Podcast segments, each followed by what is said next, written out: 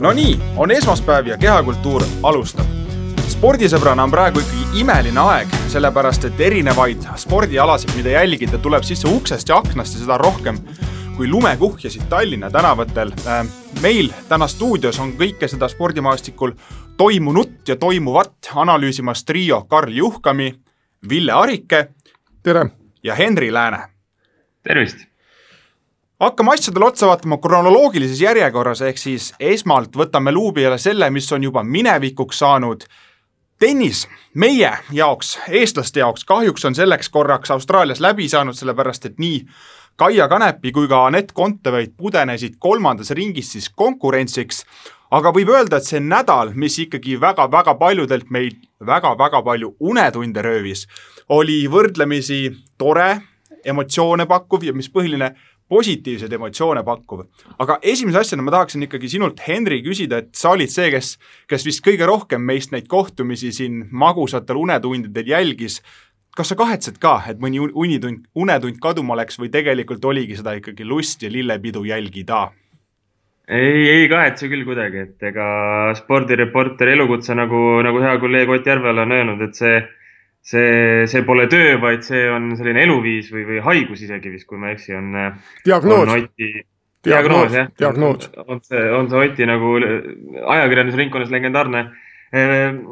öeldu olnud, et ei, kindlasti ei, ei kahetse midagi ja, ja väga põnev ja huvitav oli ju seda kõike jälgida, eks tänu sellele, et nendel soojendusturniiridel nii nii Kontaveit kui ka Kanepi mängisid hästi, jõudsid kaugele, said, said häid võite, mitte ei maristanud seal ainult mingisuguste, ma ei tea, teise saja mängijatega. et see kahtlemata ju kõrgendas lootusi. ja, ja noh, selles mõttes ütleks küll, et see laupäeva siis ütleme, laupäeva esimesed kaksteist tundi olid selles mõttes natukene õnnetud küll, et, et et need kaotused tulid ja kuidagi selline väga ilusale kahele nädalale selline natukene õnnetu lõpp, ütleks. Mm, kuigi noh, kui tagantjärele mõelda, siis ega, ega Kanepi puhul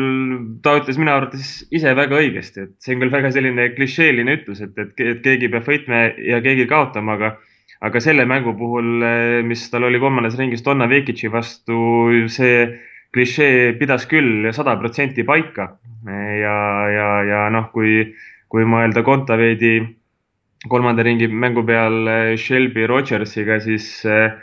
noh, sealt justkui oleks nagu miskit rohkemat oodanud, aga, aga eks tuleb ju asjadest aru ka saada, et eh, ei, ei, ei ole lihtne olnud ja, ja eks Rodgers ise mängis ka tegelikult ju väga-väga hästi nii et mis teha, kahjuks, kahjuks mõlemal kolmand, kolmandas ringis tee lõpeb, aga aga lõppude lõpuks eestlane on väga suur tennisesõber ja, ja, ja ega see kolmas ring pole ju mingisugune häbiasi ometigi. Äh, nii ta on, et äh, ma siin sattusin rohkem vaatama Aneti mänge, eks äh, oligi täpselt seesama, nagu ta kommenteeris siin viimase kohtumise järel, et sellise kahenädalase karantiini pealt ikkagi keha hakkab ühel hetkel järele andma ja, ja noh, tal tuli siin sellel eelturniiril vähem mänge kui Kaial, Kaial oli neid siis viis tükki, kui me jätame äh, vastase antud loobumisvõidu arvestamata, Anetil oli kolm, aga, aga äh, noh, nüüd Austraalia lastistelt siis kolm tükki juurde, aga, aga tuleb välja, et äh, seegi läheb juba piisavalt paljuks, kui ta seal äh, käed ja õlad kippusid otsast ära kukkuma või, või pidi kontrollima, kas jalad seal kehakilles on, et, et seda võib täiesti ette kujutada, kui sa kui sa oled kaks nädalat istunud seal hotellitoas ja, ja noh, me teame ju isegi seda, et kui kui oled ikka sporti teinud ja siis ühel hetkel lased ennast käest ja kui uuesti, uuesti lähed mingisuguse pausi järel tegema, siis noh, mis tunne on, eks ole, et ega, ega see on tippspordis sama asi, noh. ja, ja Anett ütles väga õigesti, et, et rohkem ta küll ette ei kujuta, et kusagile, kusagile jääks enne võistlust kaheks nädalaks karantiini, et noh, niimoodi lihtsalt äh, jätkusuutlikult ei ole võimalik äh, tippsporti teha no kui sellest kahenädalasest karantiinist üldse midagi head näha, siis mina ütleks, et jumalale tänu, et Anett oli see, kes sinna sattus, sest et kujutage nüüd ette, kuidas Kaia Kanepi keha, mis niigi vajab siin igapäevaselt väga delikaatset lähenemist ja hooldust, kuidas see oleks sellisele koormusele ja kõigepealt sellisele pausile ja siis otsa tulnud koormusele vastu pidanud, et äh, sellele nagu väga, väga mõelda ei taha, kui juba Anett ütleb siin selgelt välja, et noh, need on küll kunstlikud liialdused, et kas käsi ja õlg on veel otsas selles suhtes, aga, aga see ilmestab tegelikult seda olukorda, kui ränk, raske koorem see kehal on, kui sa oled sinna hotellituppa lukustatud. noh, Tiidrek Nurme ju proovis seda samamoodi, et Nurmel oli vähemalt see hea, et tal oli algusest peale see jooksulint seal toas olemas. Anetile toodi see vist alles teise nädala keskel, kui nüüd mälu ei peta. et seal need, noh, see ei olnud ju plaanitud karantiin ja selles ongi see kogu asi, et oleks see asi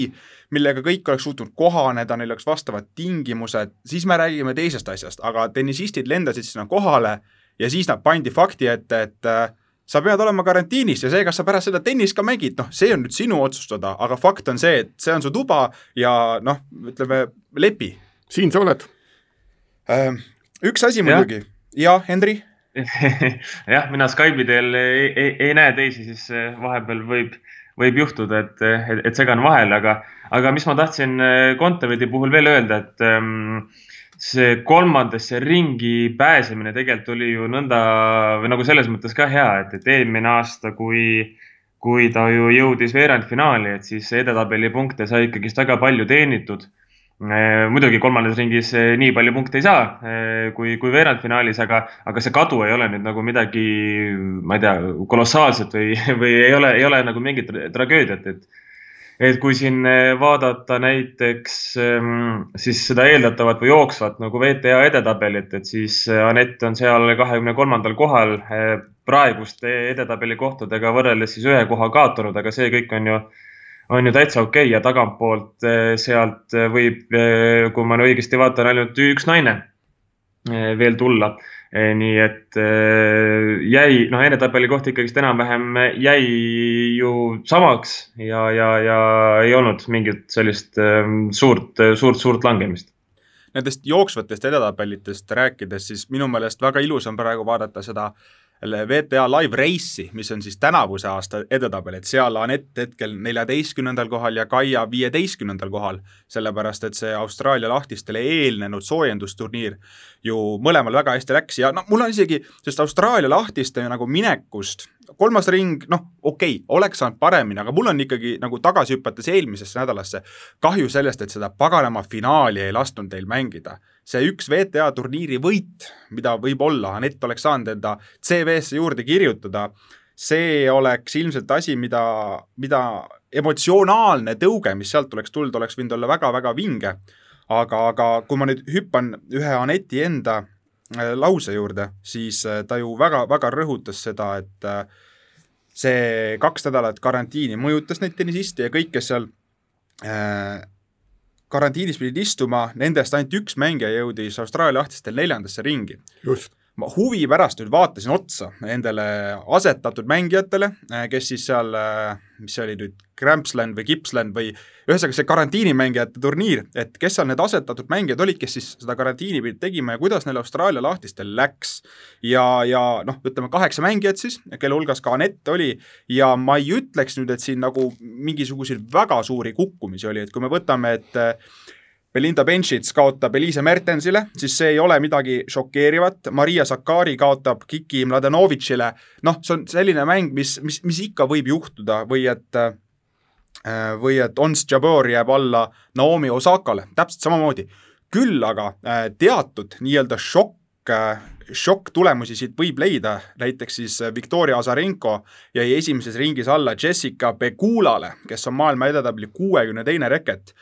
samas äh, Pegula on praegu välja jõudnud ju veerandfinaali ja, ja teel sinna pani kotti ka maailma viienda reketi Elina Svitolina, ehk siis me ei saa rääkida siin, et see oleks selline üks õnnestunud kohtumine, vaid ikkagi ameeriklanne ongi praegu järelikult väga heas vormis ja kas nüüd teiste mängijate karantiin aitab sellele kaasa või mitte, noh, see on omaette küsimus, aga selge, et see ei ole nagu niisama ära kobistamine. või siis äh, lihtsalt, et ära ma-, markeerida ka kõik ülejäänud kaotused siis šokiks tuleb pidada Angelique äh, Gerberi allajäämist Bernarda Peerale, kes samamoodi maailma kuuekümne kaheksas reket, et see on nüüd küll asi,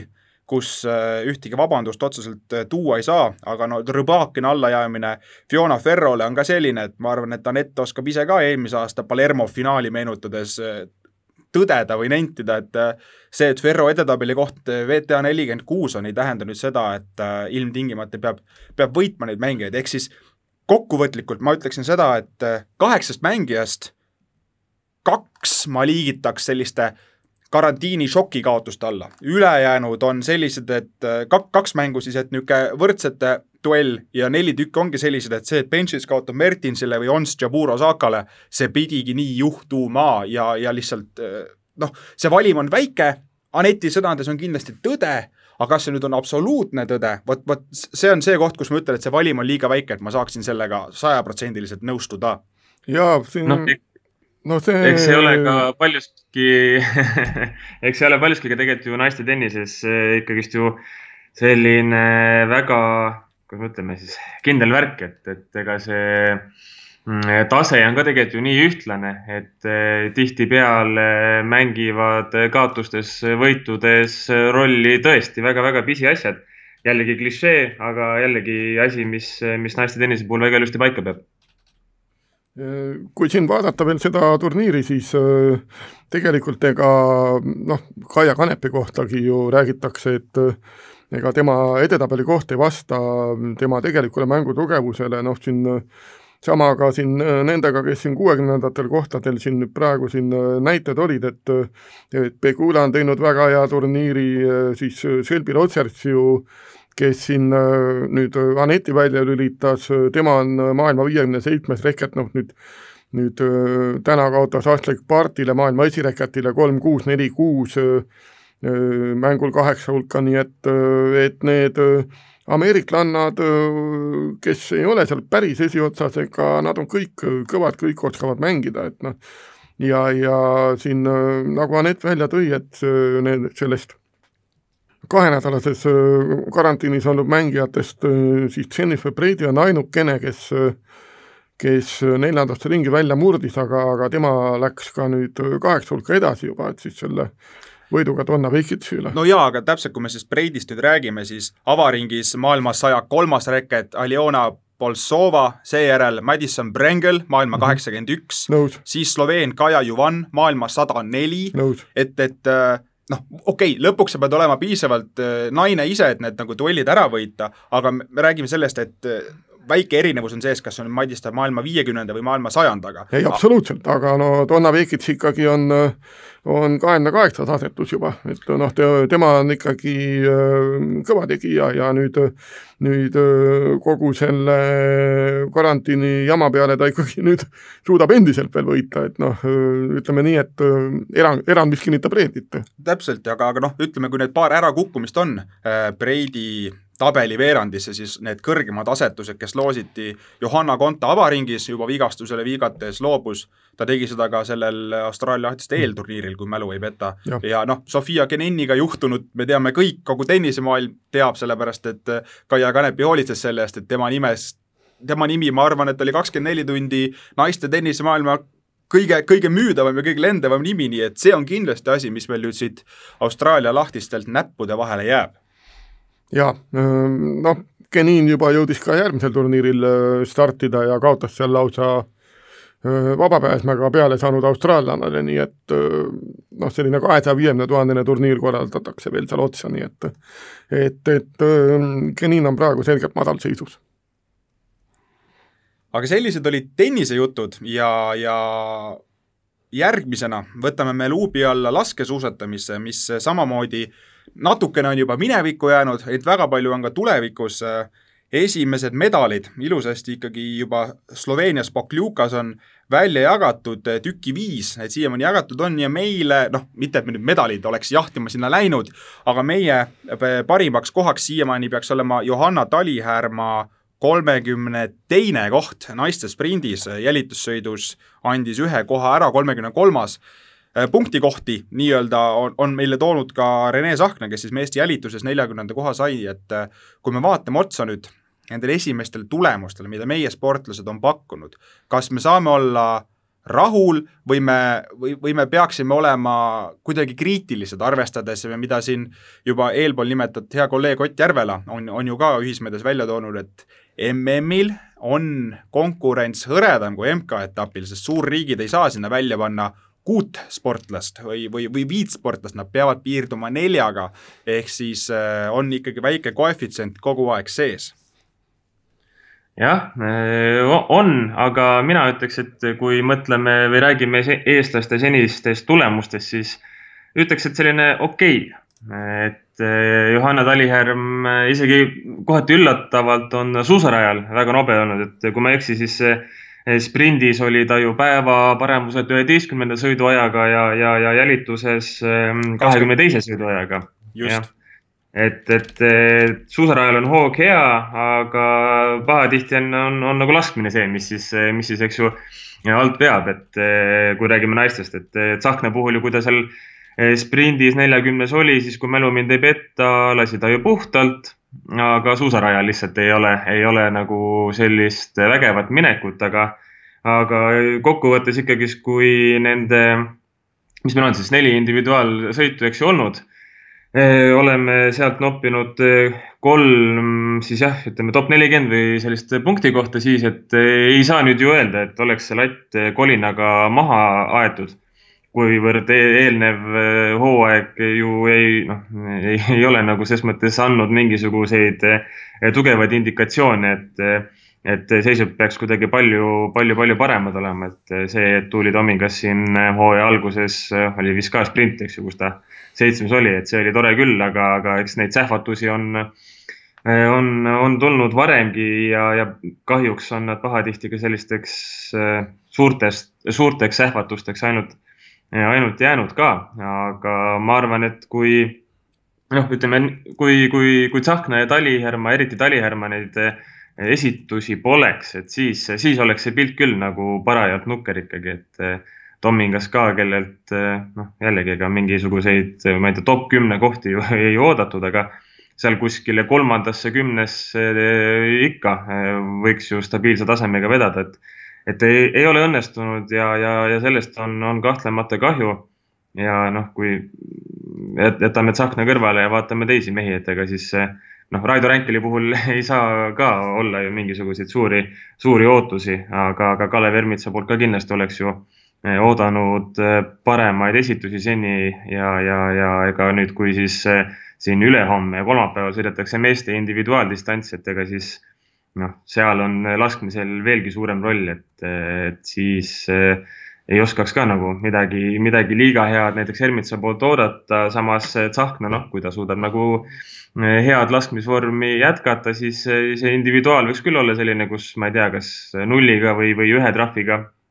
võiks sellest eh, sprindi neljakümnendast kohast kõrgemale tõusta. Ja, ja ega naiste puhul, kes siis teisipäeval individuaaldistantsi võistlevad, siis eh, seal on need nii-öelda kohtade ootused eh, vähe kõrgemad. aga samas mitte nagu nüüd väga palju kõrgemad kah, et, et ega mingit eh, imet, ma arvan, kahjuks loota ei ole no laskesuusatamisega on lihtne tegelikult, et noh, nagu elu on näidanud, selleks, et vähegi kõrget kohta saada, ikkagi tuleb teatud kiirusega sõita ja noh, kui tuleb hea laskmise päev ka peale, siis, siis need eestlaste esikümne kohad ongi, ongi sellistel päevadel tulnud, et noh, absoluutselt Johanna üheteistkümnes sõiduaeg oli tõesti selline meeldiv üllatus praegu, et, et ta on ikkagi suutnud selle suusakiiruse leida. ja, ja kui nüüd, kui nüüd seda õnnestub säilitada ja kui noh, individuaaldistantsil on neli laskjatiiru, et kui nüüd näiteks õnnestub ainult ühe trahviminutiga pääseda, et siis siis võib individuaaldistantsilt väga ilus tulemus tulla temalt. aga noh, see kõik on oleks ja poleks, et et nagu teame, laskesuusatamine on ikkagi selline spordiala, kus tuleb püss ka seljast ära võtta ja, ja märkidele pihta saada, nii et et see niisama lihtne ei ole, nagu, nagu elu näitab, et et öö, ongi, aga selles plaanis ongi vähemalt põnev, et noh, sa ükskõik, mis võistlus tuleb, sa kunagi ette ei tea, et kuidas seal eestlastel läheb või, või kes seal tipus, kuidas omavahel neid kohti ja maid jagavad, et et sellist noh, nagu murdmaasuusad, kui nüüd ikka Therese Johaug teiste kalendriga eest ära sõidab, noh, ta sõidab ja noh, kõik teavad seda juba kuu aega enne MM-i ka, et, et nii läheb, aga, aga noh, laskesuusk on selles mõttes palju toredam ja lõbusam ala kusjuures mulle ka ikkagi kõige sümpaatsem või meeldivam on olnud need Talihärma suusaajad, nagu sa, Henri, mainisid siin, üksteist sprindis ja kakskümmend kaks jälitussõidust, et äh, noh, halb, ütleme, hea ütlus on, et pime kana leiab ka tera, selles suhtes, et äh, kehv laskja võib ikkagi heal päeval need märgid alla saada ja kui sa siis on see suusaaeg stabiilselt hea olemas, siis sa oledki kõrges konkurentsis kohe automaatselt. Äh, kui sul suusaaega ei ole, noh, ega, ega sul siis sellesse kõrgesse echelon'i nagu asja ka ei ole ja see on tal-, mitte et ma nüüd ootaks jällegi, et Talihärm siin kohe kümnendaid kohti ja medaleid kulda-karda hakkaks tooma, mitte seda, aga lihtsalt seda on tore näha, et äh, sa tead, et ta on piisavalt heas vormis, et kui kõik õnnestub, sul on see, sul on see meelestatus juba ülekannet vaatama hakates, et sa tead, et niisugune pisike purakas võib ju tulla. E muidugi, mis, mis nüüd MM-i jälgides natuke kurb on, on, on vaadata siis seda, kuidas äh,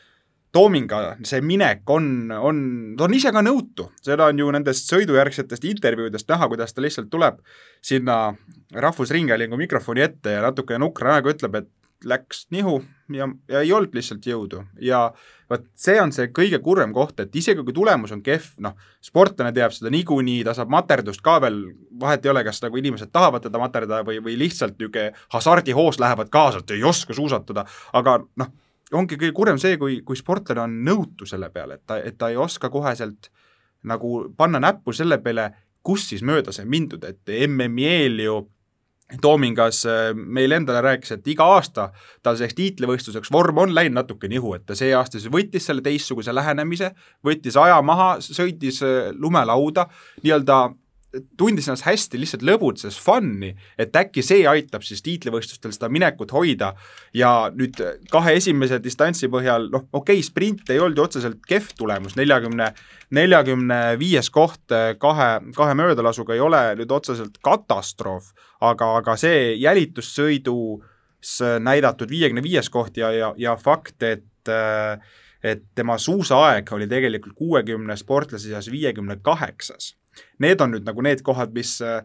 noh, teevad lihtsalt kurvaks, lihtsalt kurvaks, et äh, ta ju läheb andma endast sinna maksimumi ja ta enda arust võtab nüüd uue lähenemise, sest varasemalt pole töötanud. ja siis see tulemus on ikka sihuke. no mis parata no,. nii on nii on, et äh, siin on, kui mõtleme nagu sellele tippvormi ajastamisele ja ja kui hästi see kellelgi õnnestunud on, siis eh, ma arvan, et siin on ju prantslased eriti Prantsusmaa mehed on nagu suurepäraseks näiteks, et eh,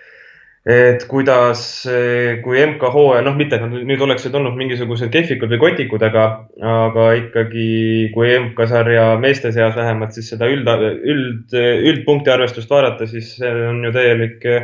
Norra lipumeri seal alguses. Aga ometigi nüüd MM-il näeme, et kui, kui, no kuidas me ütleme siis, targalt ette valmistuda või, või, või siis äh, tippvormi tõesti väga õigeks ajaks nagu rihtida, siis, äh, siis tulebki selline mm nagu prantslastel meeste poolt äh, seni olnud on, et vägagi selline imetlusväärne tegelikult. ja, ja noh, ma mäletan alati eelmine aasta, Karl, mäletan, kui las ka peatloni MM-i eel rääkisime Marek Sandriga, kes on siis Soome laskesuusakoondise hooldemeeskonna boss ja, ja ütles ta ju enam-vähem sellise lause, et, et, et ta ei saagi nagu aru, et kas eestlased üritavad siis terve hooaja olla heas vormis, et ülejäänud ikkagist äh, ei, vabandust, vastupidi oli, nii et see jutt kõik äh, unustage ära, mõttetu jutt aga, aga noh, et ja kui sa enne rääkisid siin ka sellest, et äh, kuidas äh, hea suusakiiruse korral või stabiilse suusakiiruse korral on ka kehvemal laskjal äh, võimalik edu saavutada, noh, et siin samamoodi vaatame meeste hulka, vaatame sprinti. Martin Bonsiluoma, kes maailmameistriks krooniti, noh, ta ei ole selles mõttes ju mingisugune kohutav laskja, et tema protsendid ei ole selle viiekümne juures, aga eelkõige on ta ju tuntud ikkagi kõva suusamehena. ja, ja see, et sprindis nüüd kaks, kaks nulli lasi, no siis oli ju kohe selge, et, et selles kõige kõrgemas mängus on mees sees no ja väga hea näide on ju ka naiste sprindi pronks Hanna Soola, kes siin laseb keskmiselt seitsekümmend kaks protsenti püsti ja seitsekümmend kolm protsenti pikali, aga näe, sprindis tuli mõlemad tiirud puhtalt läbi ja nagu naksti. Meda-, medal ongi ilusasti käes ja ei olegi meil midagi kobiseda. muidugi mulle väga-väga meeldis, kas oli Karel Kulbin, kes seal äh, Viiest viis saates äh, ütles välja, ta ei öelnud, et see on fakt, ta ütles, et talle tundub et Johanna Talihärma suusaraja üheteistkümnes aeg sprindis on kõige lähem, mis Eesti naissuusatajad on olnud maailma tipule, alates Kristina Šmiguni aegadest. tal ei ole ühtegi fakti selle toetuseks, aga ka, ka mulle nagu kuidagi, kuidagi see, see, see, see lause jäi kõlama ja siis hakkasid nagu mõtlema, et ega tõesti selles valdkonnas, et see on, tulles tagasi selle, selle jutu juurde, et nagu suusatamist saad sa ja jõudu saad sa treenida rahulikult. pane, kui ei ole oskusi, siis noh, see on see jalgpallurite ja korvpallurite iga, igavene, igavikuline jutt, et kui palli korvi ei saa visata, siis jookse vähemalt vastane surnuks, on ju, selles suhtes, et seda saad ikka liiva peal treenida, et natuke tundub, et nüüd selles osas on nagu täkkesse pandud. no ütleme nii, et tunnetuse pealt tõepoolest äh, see võrdlus Miguniga noh, ei oska ka mitte ühtegi moodi vastu vaielda, sellepärast et äh, noh, ei ole minu meelest äh, olnud suusarajal just, vahet ei ole, kas siin püssiga või ilma, noh keegi, keegi maailma tipule samavõrd lähedal, et siin üheteistkümnenda, üheteistkümnendat suusaaega sõitnud, et et seda arvamust toetan kahe käega täiesti no aga individuaaldistantsid meil siin äh, teisipäeval ja kolmapäeval kavas on. Äh, kas te tahate väikest ennustusmängu teha ja öelda, mida, mida võiks oodata, mida teha või, või äh, väidate mõlemad, et kristallkuuli te vahepeal endale koju pole tellinud? no laskesuusatamises ei ole võimalik midagi ennustada, nagu ma siin juba mõni minut tagasi mõista andsin. noh, mina võib-olla nii palju julgeks öelda, et ma arvan äh, Tsahkna puhul ikkagi selline top nelikümmend võiks nagu täitsa ju reaalne olla. kindlasti eesmärk, mille, mille, mille poole püüelda. ja Talihärma puhul, noh, seal ma pigem kuulun ka nagu sinna Villepaati, et seda on nagu võimatu ette ennustada, et, et kuna seal seal oleneb ka muidugi paljuski, et millised on ju need laskmisolud siis sellel konkreetsel võistluspäeval, et, et kui on sellised lihtsamad olud, et pigem tuleb rohkem nulle siis eh, no ma ei tea, ma ei ole statistikat vaadanud, teinud, et, et millal Johanna viimati näiteks individuaali nullidega eh, läbis, aga, aga ütleme, kohvipaksu pealt öelduna tundub, et, et ega, ega, ega väga tihti, ma arvan, sellist asja ei juhtu, et, et seal oleks juba tegelikult ka võib-olla selline üks-kaks trahvi nagu päris, päris valus. samas, kui olud ikkagist nii lihtsad ei ole, et tuulelipud ainult seisavad ja, ja ridamisi neid nulle tuleb, et, et siis võiks küll tegelikult seal noh, ma ei tea, kui, kui, kui Johanna suudab ka näidata sellist äh, seni näidatud väga head suusakiirust või noh, väga korralikku suusakiirust, et siis äh, samamoodi, ma arvan, tegelikult selline ühe-kahe, võib-olla, võib-olla isegi kolme nagu möödalasuga võiks, äh, võiks ka seda top nelikümmend kohta nagu himustada. muidugi noh siin, kui nüüd mõtleme, et räägime mingitest top nelikümmend kohturist, et noh, et see, see, see ei ole ju midagi, siis võib-olla suures plaanis noh, ei, ei olegi, eks ju, et, et kuskil Raekoja platsil selle pealt ju mingit vastuvõttu ei tehta. aga samas peab ikkagist nagu aru andma ja, ja seda konteksti vaatama, mis seisus ja mis tasemel siis selle maailma tasemega võrreldes ollakse ja, ja, ja, ja see siis lihtsalt ju ju näitabki seda, et, et tegelikult eestlaste puhul top nelikümmend või siis seal ütleme neljanda kümne, noh, algus või kolmanda kümne lõpp või keskpaik, et, et need on tegelikult sellised kohad, mille üle tuleb rõõmu tunda. vahemärkusena siis, et eh, Talihärma tänavuse hooaja individuaaldistantsid Kontiolahtis üks eksimus, kolmekümne esimene koht ja Antholzis eh, kaks eksimust, kahekümne seitsmes koht. noh, see võiks ju tegelikult anda lootust süstida, et suusarajal ka ju tundub, et ikkagist MM-i ajal vorm on, eh, vorm on etem, kui, kui siin MK hooajal on nagu stabiilselt või keskmiselt olnud, et, et siis eh, miks ka mitte. lasketiirus mõned sekundid rohkem võtta. Eh, aga et teha kindlaks, et märgid võimalikult kindlalt alla tuleks ja, ja, ja siis, siis võime sõita küll ju niimoodi ja muidugi tuleb arvestada, et noh, kui sprint on seitse ja pool kilomeetrit naistel, et siis distants on äh, kaks korda pikem maa, et äh, kuidas see nüüd mõjub, kui palju nüüd, äh, nüüd Johanna seda viiteist kilomeetrit millise kiirusega siin konkurentidega võrreldes suudab sõita, et, et eks siin enne võistlust sellele vastust ei saa, aga samamoodi on, on siin huvitav oodata-vaadata, et noh, kui nüüd, nüüd mõelda sellele, et siin selle ühe või kahe trahviga on need kohad olnud seal kolmekümnenda ringis, nagu just kuulsime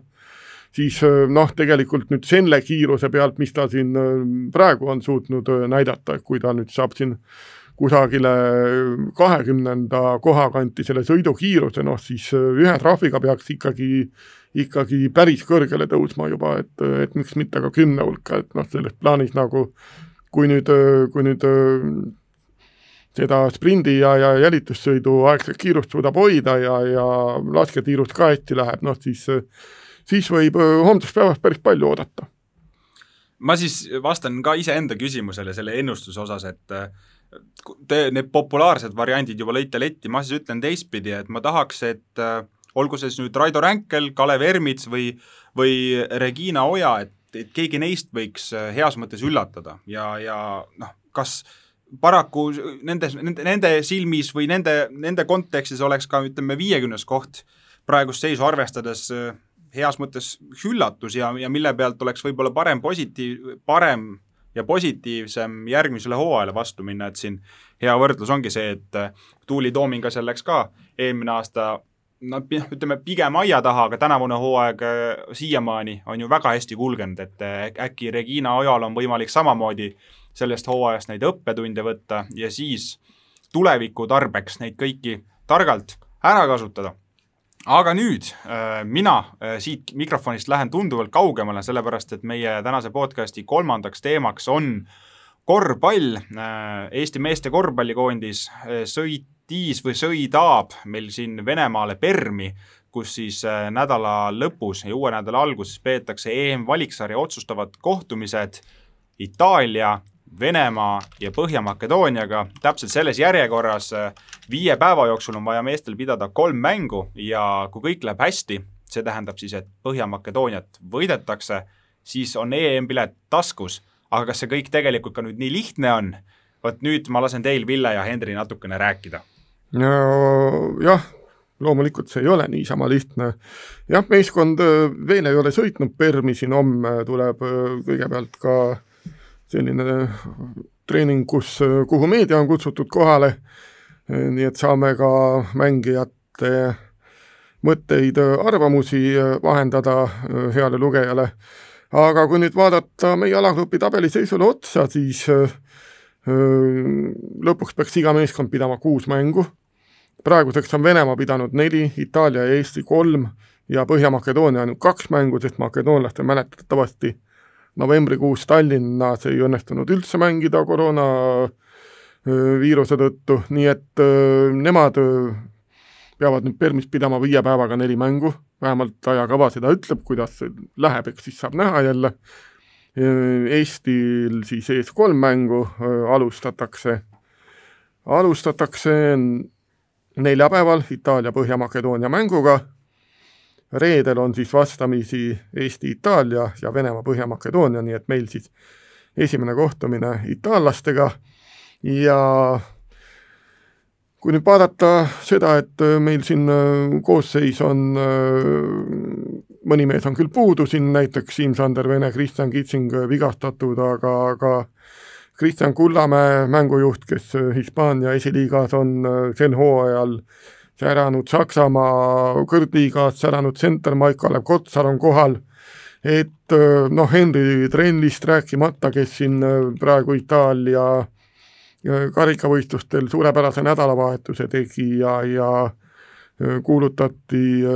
nädalavahetuse parimaks ründemängijaks, tema kodutuvi Pesaro siis jõudis finaali, kus kaotas Milano meeskonnale, et mehi on olemas küll ja, ja mängida annab, annab küll ja veel, nii et et selles plaanis need kolm mängu seal Permi mullis, ma arvan küll, et võime päris optimistlikult vaadata nende poole. mina arvan, arvan ka nõnda, et eriti kuivõrd, kui me vaatame oma siis EM-pileti osas põhirivaali Põhja-Makedoonia koosseisu, et, et ega viieteist mängija hulgas, kes, kes sinna Venemaale Eh, Permi lähevad, siis eh, ütleme, väga palju on seal ju koduliga mehi. Eh, noh, spordiklišee ütleb ju ka seda, et endiste Jugoslaavia maad, erinevad pallimängualad, need on nii või naa tugevad. aga, aga ei, ei tundu küll, et oleks nagu midagi ületamatut, et siin võrreldes selle Tallinnas olnud aknaga, kus jah, okei okay,, Põhja-Makedoonia ei mänginud, aga, aga siis ju ei olnud, ei olnud neil rivis Nenad Dmitrijevitši, kes on äh, kes on Põhja-Makedoonia jaoks kindlasti väga oluline mängumees,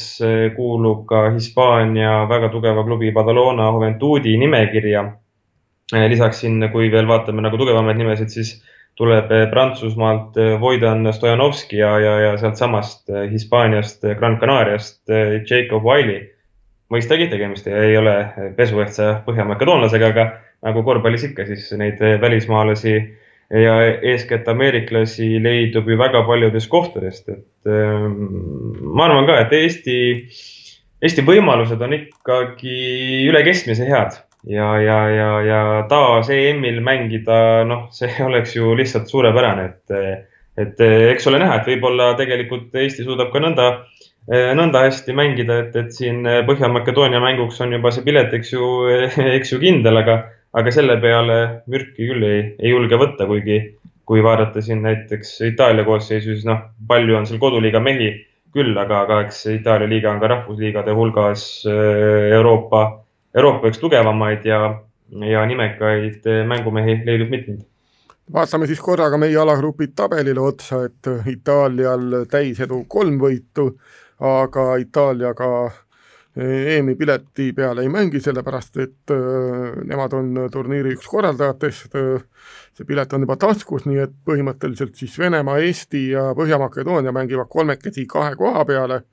Ja praegu siis Venemaal on kaks võitu, kaks kaotust kirjas, Eestil üks võit ja kaks kaotust ning makedoonlastel null võitu ja kaks kaotust, kaotuste arv on kõigil üks ja sama, aga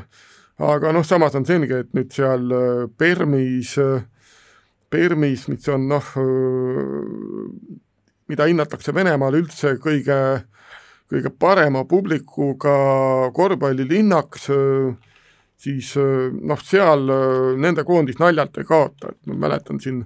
nüüd eelmises valiksarjas, mis oli kaks tuhat üheksateist MM-i valiksari, siis ka viidi otsustav mäng Soomega Permi, et noh, seal äh, ja, ja sealt see MM-i pilet ka kätte saadi, nii et et noh, venelastel on kindlasti väga head võimalused oma mõlemad mängud võita, meie nendega mängime pühapäeval, et ikkagi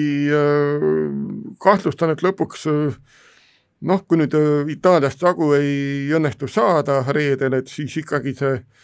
järgmise esmaspäeva mäng Põhja-Makedooniaga on see, mis, mis saab otsustavaks nii või naa. no kui see Põhja-Makedoonia mäng nii otsustavaks ilmselt saab, eeldusel, et Itaalia ja Venemaa ikkagi omad ära teevad siin kõikidest teistest kohtumisest, siis kas äh, Juka Toiala peaks tegema Georgi Gretut, ehk siis ma viitan siinkohal viimasele võrkpallikoondise EM finaalturniirile, kus äh, pehmelt öeldes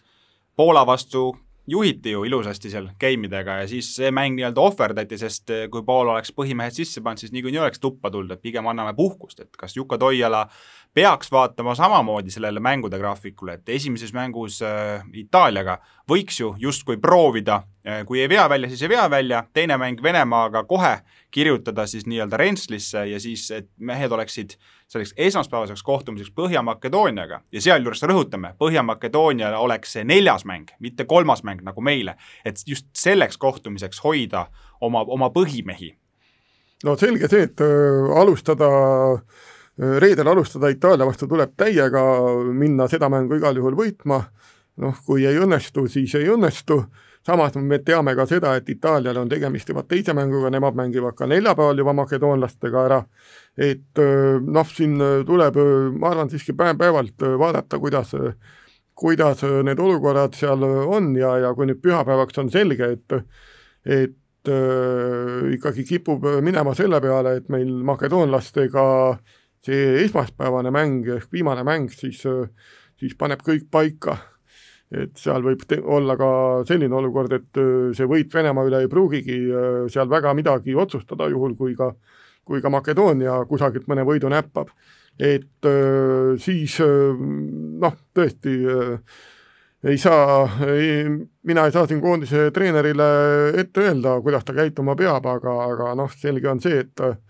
et mõistlik oleks tagada selline olukord, kus sul põhimehed on otsustavad mängus igatahes äh, noh, ei ole ära kurnatud täiesti, nagu siin äh, Anett äh, Kontaveit ütles, et äh, käed-jalad hakkavad juba otsast ära kukkuma. aga kui me vaatame nüüd öö, otsa nendele asjadele, mida meil annab öö, kontrollida, siis öö, meie enda koosseis, noh, see on juba paigas, siin enam muudatusi tulla ei saa kas äh, mingi positsioon, äh, mainime siis ära ka, et vigastuste tõttu jäävad eemale Siim-Sander Vene, Martin Paasoja, Kristjan Kitsing, äh, Tanel Kurbas, Siim-Markus Post Simon Sutt märgiti ära seal pressiteates ja Gerg Riisa mainiti ära, muidugi siin targemad kossusõbrad on juba küsinud, et miks siis Mattias Tassi ei märgita ära, kui Gerg Riisa märgitakse ära, aga jätame selle debati nüüd mõneks muuks saateks, aga kui vaatame ikkagi otse Eesti koondisele, kas mingi positsioon võtab teid ka natukene murelikuks, kust me võiksime olla haavatavamad nendes, nendes kohtumistes, kui, kui ikkagi tõesti äh, viie päeva jooksul kolm mängu on vaja pidada, mis ei ole korvpalluritele kõige tavapärasem äh, koormus? Äh, kui nüüd vaatame praegu sellele koosseisule otsa, siis äh, ausalt öeldes igale koos, igale kohale on, on need kaks kohta või kaks mängijat olemas ilusti meil, et vähemalt kaks mängijat, et selles plaanis selles plaanis ma väga, väga suurt muret ei näe, et et äh, Kristjan Kullamäe, Sten Timo Sokk, äh, kaks väga eriilmelist äh, mängujuhti on välja panna, ees, nagu siin juba mainitud, et Maik-Kalev Kotsar nüüd saab ka tulla, novembris siis teda mäletatavasti polnud, ja noh, ta Saksamaa liigas on mänginud väga stabiilselt, väga palju mänguaega saanud, aidanud paljudes mängudes oma koduklubi Hamburgi võidule, et ma usun, et Kotsar on kindlasti Juka Toiala esimene valik, aga aga Kalev Cramomeet, Rauno Nurger saab talle kindlasti pakkuda korralikke vahetusminuteid, et, et noh, ütleme nii, et kui siin sageli on räägitud Eesti korvpallis pikkade probleemist, siis noh, praegu, praegu tsentri koha pealt ma küll ei näe põhjust muretsemiseks. ning okei okay,, Vene ja Kitsing on puudu, aga, aga number nelja peal on meil ikkagi olemas Kaspar Treier Itaalias Satsarist, sealse esi, esimese poole klubist, kellega siin mängis just karikavõistluste selles kaheksa meeskonna Äh, turniiril küll veerandfinaalis siin lisaajal Pesarole kaotati ja, ja Treier ei ole siin äh, suuri minuteid saanud viimasel ajal, aga, aga noh, ta saab igapäevaselt väga heas keskkonnas harjutada, nii et, et ta juba novembris näitas, näitas oma kvaliteeti ja, ja ma ei näe põhjust, miks ta ka Permis ei peaks näitama. samamoodi siin Kalev Cramost Gregor Hermet on siin vahetuseks olemas äh, igati, igati äh, tubli valik või, või siin Juka Toiala isegi eelistab võib-olla Hermetit, eks seda, seda näitavad mängud alles. ja, ja noh, number kolme peal siin Henri Trill, Janari Jõesaar, noh, siin ei ole midagi kommenteerida, mõlemad on praegu väga heas hoos. ja kahe peal Rain Veidemann, Martin Torbek, noh, mõlemad kogenud mängumehed, et selles plaanis on see tuumik on olemas ja, ja siin Toialal on kombineerimisvõimalusi äh, piisavalt täiesti. jah, ma ei, ei oska Ville jutule kuidagi vastu vaielda, ei taha ka. õige jutt oli minu hinnangul, et, et ega tõesti ju Toialal, kui seda koosseisu vaadata, siis on selline mitmekülgne arsenal, et, et kust äh, saab võtta nii, nii paremat kaitse kui siis ka rohkem sellist, ütleme, rünnaku koosseisu või niimoodi, et vastavalt vajadusele Eh, saab, saab neid mehi seal kombineerida ja, ja seegi on üks väga selge põhjus, miks, miks selle Permi akna eel olla, olla ikkagist üle keskmise optimistlik just selle EM-pileti, EM-pileti osas. Ja, ja noh, ma ütlen, et ega korvpall on Eestis ju nii pikkade traditsioonide ja juurtega mäng, et fänne on ju ka tohutult, et, et jumala eest, see, see, kui korvpall, kui meestekoondis jõuaks jälle jälle pärast äh, mõneaastast äh, vahepausi EM-ile, siis see oleks ikkagi väga-väga suur sündmus, mitte ainult meie spordimaastikul, aga ma arvan ka äh, üldiselt, üld, üldiselt Eestile. Ja kui siin koroonapiirangud, reeglid, koroona ise inimesi ikkagist väsitab kõvasti, siis noh, siin on küll nüüd suurepärane koht, kus, kus Eesti sport saab teha inimestele suurepärase kingituse jah, kui nüüd siin mõtlema hakata, ega siis korvpall kahjuks on küllalt harva jõudnud sinna lõppvõistlusele välja, et et viimati siis kaks tuhat viisteist Riias kui tuhanded fännid said ka minna kaasa elama, enne seda oli aga kahe tuhande esimesel ja tuhande üheksasaja üheksakümne kolmandal aastal, et kõigest kolmel korral olemegi käinud. no, no ma, ma tahaks vastu öelda, et seda on kolm korda rohkem kui jalgpallil, aga kusjuures kui jalgpall oleks ühe korra käinud, siis oleks kolm korda rohkem, et see jah, jalgpallil peaks olema Pariisi olümpia ainsa tiitlivõistlusena ette näidata, aga mm -hmm. kui see jääb kuskile sajandi kaugusele juba. seda küll, aga kui Henri siin muidugi mainis sellist imeelusat sõna nagu koroona korraks, siis minul tekkis praegu peas küll selline äh, väike mõtteharjutus, et aga mis saab siis, kui Permis ka asjad vastu taevast lendavad, nagu Põhja-Makedooniaga Tallinnas lendas, et, et kuidas asjade käik siis lahendatakse, on teil üldse aimu või siis hakkab kõigepealt Fiba ise kõigepealt ajusid ragistama, et kuhu need meeskonnad siis kokku koondada ja kuidas see turniiritabel lõpuni mängida? jah, ega selle kohta ei olegi äh, mingit äh, infot tulnud, et kui äh, praegu asi, asi vastu taevast uuesti lendaks, et äh, mis siis edasi saab, et et ma kujutan ette, et äh, FIBal on mingisugused kriisikoosolekud peetud ja plaanid B või C ilmselt välja mõeldud, et noh, ma ei tahaks uskuda, et selline organisatsioon nüüd absoluutselt ilma ainult, ainult plaaniga A töötab, et aga, aga noh, ju nad siis loodavad, et praegu saab ikkagi need mängud ära pidada ja, ja noh, kui ei saa, siis, siis vaatame edasi. Jah, et kui Permis peaks minema nii nagu Tallinnas, et need näiteks üks, et üks koondis ei, ei saa kuidagi mängida, siis no tegelikult on ikka väga raske näha, kuidas asi peaks lahenema, ütleme sellisel normaalsel viisil, et ega see, ütleme, rahvusvaheline korvpalliaken või, või, või see graafik on niikuinii ju Eh, päris tihe, eh, paljuski ka koroona pärast, et siis eh, mm, kui mõtleme ka näiteks sellele, et sel suvel praeguse seisuga vähemalt toimuvad ka Tokyo olümpiamängud, seal on ju ka kvalifikatsiooniturniirid kavas, no ma ei ole neid satse seal küll päris pähe õppinud, et, et kas, kas ja kuidagi on ka näiteks Eesti mingid alagrupi kaaslased nagu seotud, aga, aga see tundub nagu kõige selline mustem stsenaarium, et, et kui midagi Permis peaks ka nüüd nihu minema. Aga, aga ma usun ka, et Fiba on küll teinud aastate jooksul eh, noh, kas just kamaluga, aga on ju teinud väga suurt furoori tekitanud otsuseid, kasvõi seesama akendesüsteem ja, ja särki-värki, et eh, ega kui siis on vaja mingit nii-öelda nõmedat otsust teha, et, et kuidagi nii-öelda klubide graafikut sassi lüüa või, või, või, või, või niimoodi, et siis ma arvan, et ega, ega nad seda sammu astuda ei karda, sellepärast et, et ikkagi EM-ile pääsejad on ju vaja selgitada ja, ja sihukest asja, kus näiteks ütleme, et Põhja-Makedoonia jällegist seal mingisugune koroonavärk tuleb, et, et ega siis neid sellepärast nüüd e,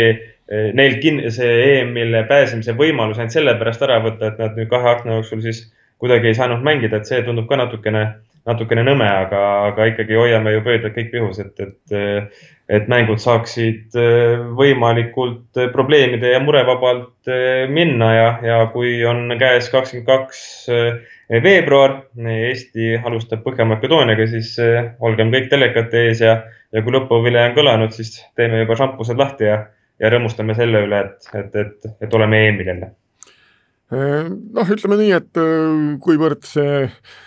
Tokyo olümpia lükkus edasi ja, ja sellega seoses ka see korvpalli EM-i finaalturniir lükati aasta võrra edasi tänavusest aastast kaks tuhat kakskümmend kaks sügisesse, siis ju tegelikult jääb finaalturniirini poolteist aastat, et noh, kui nüüd ei saa mõnes alagrupis ka kõiki mänge ära pidada, siis seda ajaruumi tegelikult on küll, kuhu, kuhu lükata, et kas või seesama suvi nüüd noh, ütleme, et finaalturniir oleks siis pidanud olema kuskil äh, kas augusti lõpus algama ja, ja põhiliselt septembris kestma või siis äh, ole, olemagi ainult septembris, et kas või sinna ajaraami lükata mingeid mänge, noh, ma ei usu, et nüüd siin selle Tokyo valikturniiridega samale, samale ajale või Tokyo olümpiaga samale ajale pannakse, sest noh, need mängud kaoksid ära täiesti ja, ja ka just nimelt see august-september, mis niikuinii enne seda akende süsteemi ju ju olidki need koondise mängude ajad, et, et sinna, sinna täitsa annab lükata, et ma arvan, et kui see FIBA plaan B ongi, ongi selle ajaga seotud, et noh, et küll need, küll need mängud lõpuks peetud saavad. No vot, aga sellega tõmbame meie oma ettevaatavale jutule äh, ilusasti joone alla reedel, kõigepealt siis Eesti madistab Itaaliaga, pühapäeval tuleb otse Venemaa kohtumine ja esmaspäeval kell neli Eesti aja järgi on siis see aeg, kus äh, Eesti Põhja-Makedooniaga vastamisi läheb, nii et umbes täpselt kella kuue paiku peaks olema selge, kas on põhjust šampus lahti korkida või tuleb see kusagile, ma ei tea, kapi põhja ära peita. Äh, kuna see mäng tõesti esmaspäeval toimub, siis järgmise nädala kehakultuur läheb eetrisse teisipäeval ja siis on mõistagi korvpallisündmustele tagasi vaatamas trio Ville Arike, Jarmo Jagomägi ja eksperdi rollis Heino Enden. ilusat nädalat!